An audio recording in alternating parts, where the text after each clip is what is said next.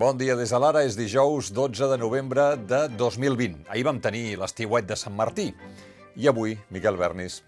Avui un cel més enterbolit que no evitarà que la temperatura s'acosti als 20 graus al migdia. Demà els núvols seran més espessos i la nit de divendres a dissabte es podrien escapar quatre gotes a la costa, però al cap de setmana predominarà el sol. Demà caduquen totes les restriccions vigents, llevat del toc de queda de les 10 de la nit, que està prorrogat fins d'aquí dos dilluns. Sobre la taula del Procicat hi ha diferents propostes que van des de mantenir les restriccions durant 15 dies més, que és la idea del Departament de Salut, fins començar a flexibilitzar-les, com proposa el Departament d'Empresa i Coneixement. Per exemple, reobrir limitadament terrasses i bars eh, terrasses de bars i restaurants, que és un dels sectors més afectats, a partir de demà mateix. Segons aquest document que Empresa va presentar a Salut la setmana passada, les terrasses podrien obrir el 50% de l'aforament a l'hora de dinar, entre la 1 i les 4, seguint totes les normes de seguretat, etc. Bé, el mateix vicepresident en funcions eh, de president, Pere Aragonès, va carregar en contra de que això ja vagi corrent i va censurar el conseller Tremosa, eh, el conseller d'Empresa i Coneixement, dient que obrir debats a través dels mitjans sobre què farà o deixarà de fer el govern només genera confusió. I, francament, no està el govern per generar més confusions. Només la... No és només la restauració.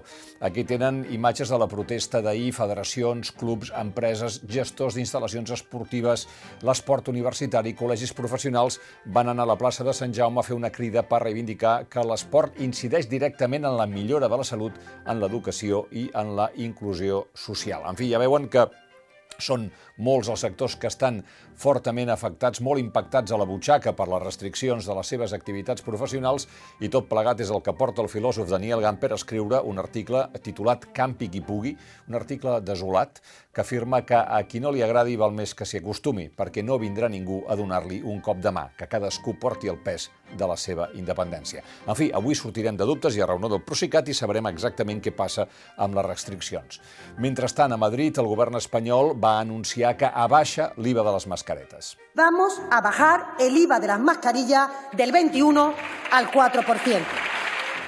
I mentrestant, la Comissió Europea ha comprat de manera anticipada 1.400 milions de dosis de vacunes contra el coronavirus a diferents farmacèutiques. L'última, a Pfizer-BioNTech, la companyia que dilluns va afirmar que la seva vacuna tenia un 90% d'efectivitat. I han comprat 200 milions de dosis ampliables a 300. Aquestes s'afegeixen als 400 milions que ja havia comprat a Johnson Johnson, 400 milions de dosis a AstraZeneca i 300 milions a Sanofi GE SK. Tots són acords en què s'anticipa la compra d'una vacuna que funcioni. Per tant, si les farmacèutiques no aconseguissin materialitzar la vacuna, no hi hauria cap compra, naturalment.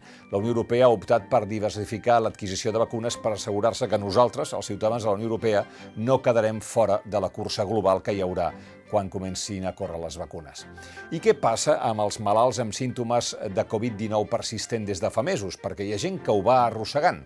Doncs bé, són un terç dels pacients lleus o moderats i resulta que d'aquests gairebé el 80% són dones afectades eh, amb una mitjana d'edat de 43 anys i la durada mitjana dels símptomes ja és de mig any, perquè eh, dones podria tenir a veure amb la diferent resposta immunitària o inflamatòria que tenen a algunes malalties.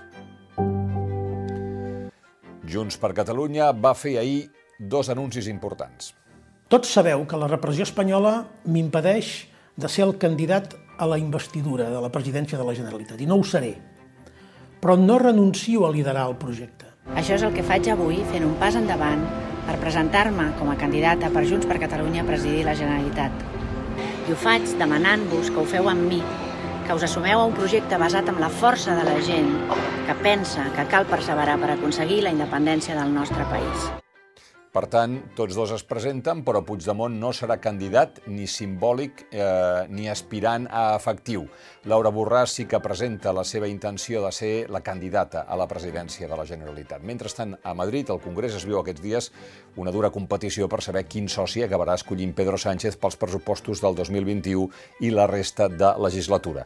Després de parlar dimarts amb Pablo Iglesias, el líder d'EH Bildu, Arnaldo Tegui, va avançar ahir al matí que Bildu dirà sí als pressupostos si les coses no es torcen. I el PP, naturalment, ho ha aprofitat. ha vuelto a decidir que su hoja de ruta es pactar con aquellos que quieren destruir la nación a la que usted supuestamente ha de representar. Hay un conflicto evidente entre su interés y el interés de España. I, per cert, la mesa del Congrés va rebutjar ahir amb els vots del PSOE, el PP i Vox la petició de Junts per Catalunya perquè el ministre de l'Interior, Grande Marlaska, comparegui a la cambra per donar explicacions sobre l'operació Volhov i la filtració de converses privades que no tenen cap objecte penal. Una notícia trista. L'ONG catalana Open Arms va rescatar ahir en dues eh, actuacions diferents 175 migrants que intentaven arribar a Europa a través del Mediterrani central. En el primer salvament, l'entitat va rescatar 111 persones, que anaven en una pastera que va naufragar en aigües internacionals prop de la costa de Líbia, però no va poder impedir que sis persones morissin. Després de treure de l'aigua tots els supervivents i cinc cossos sense vida, l'entitat va precisar que sis persones, entre les quals un noi jove i un nen de sis mesos, necessitaven ser atesos amb urgència i que les autoritats italianes facilitessin la seva evacuació urgent. El pla es va activar, sí, eh, però el nadó, que es deia Joseph i era originari de Guinea, va acabar morint. Si viviu o passeu per l'Eixample de Barcelona, si circuleu, us interessarà saber com serà d'aquí 10 anys. Haurà canviat força. Barcelona abandona la idea de crear superilles aïllades aquí i allà i engega la transformació de tota la trama de l'Eixample seguint l'esquema dels eixos pacificats. Un de cada tres carrers. La idea és convertir alguns carrers en vies amb més vegetació, espais de joc i circulació limitada que eh, quan es creuin amb un altre eix verd generaran una mena de plaça un espai d'una mida similar a les places del barri de Gràcia, uns 2.000 metres quadrats. El projecte del govern de De Colau ja té calendari i pressupost i quatre eixos i quatre places que es crearan aquest mandat. La idea és desplegar 21 eixos i 21 places d'aquí al 2030. I un operatiu conjunt dels Mossos i la Policia Nacional ha detingut 99 grafiters per haver fet pintades i actes vandàlics en vagons de Renfe i Metro de Barcelona durant els anys 17, 18 i 19, uns danys que pugen a 22 milions d'euros.